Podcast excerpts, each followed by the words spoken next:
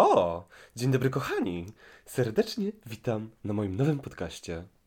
który nosi tytuł Jak być gejem i nie dać się zwariować. No, także gwoli ścisłości. Celów tego podcastu jest kilka. Przede wszystkim mam wrażenie, że nasze społeczeństwo wygląda tak, że po prostu takich treści w internecie jest mało. Myślę, że czynniki takie jak styl, średni poziom tolerancji w naszym kraju jest dosyć istotny, biorąc pod uwagę właśnie takie treści w internecie. Ale przede wszystkim myślę, że to środowisko jest dosyć hermetyczne. Dużo osób się zna, dużo osób się kojarzy i często nie czują się do końca anonimowi. Ja też tak przez lata miałem, że nie czułem się do końca anonimowy, więc wolałem uważać, co mówię, żeby to nie poszło w las. Bo jak wiemy, każdy pedał jest plotkarą i lubi rozpowiadać ploteczki. Więc jak powiesz coś, to poleci to weter w 4 sekundy i nagle całe miasto wie o tym, czyjego kija miałeś w dupie. Oczywiście w przenośni, wiadomo. Ale przede wszystkim myślę, że społeczeństwo jest mało świadome tego świata, jak to dokładnie wygląda, z czym to się je, przez co dużo osób błądzi po omacku, kiedy wchodzi w ten światek.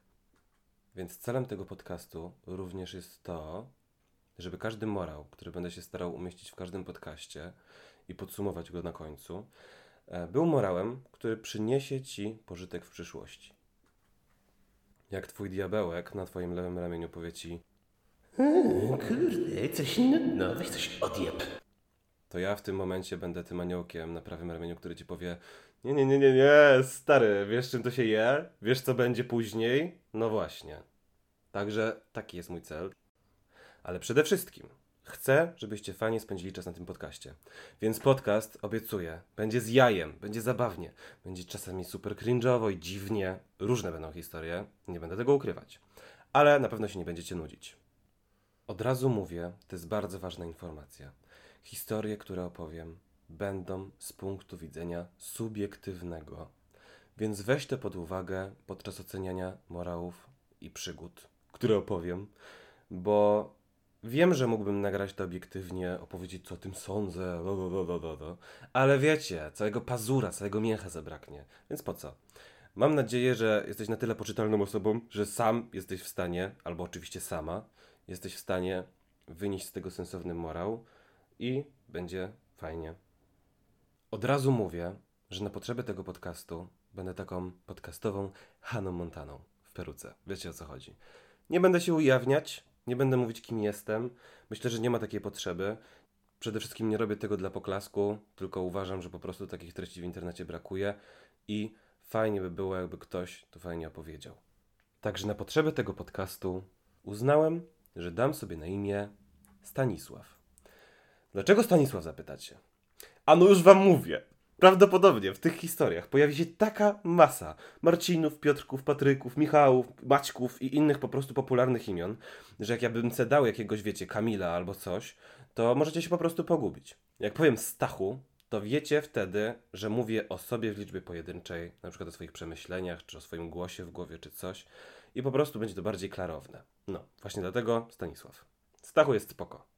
Oczywiście każda historia wykorzystana w podcaście będzie miała zmienione imiona, lokalizacje, żeby nie było po prostu potrzeby identyfikowania ludzi. A dlaczego?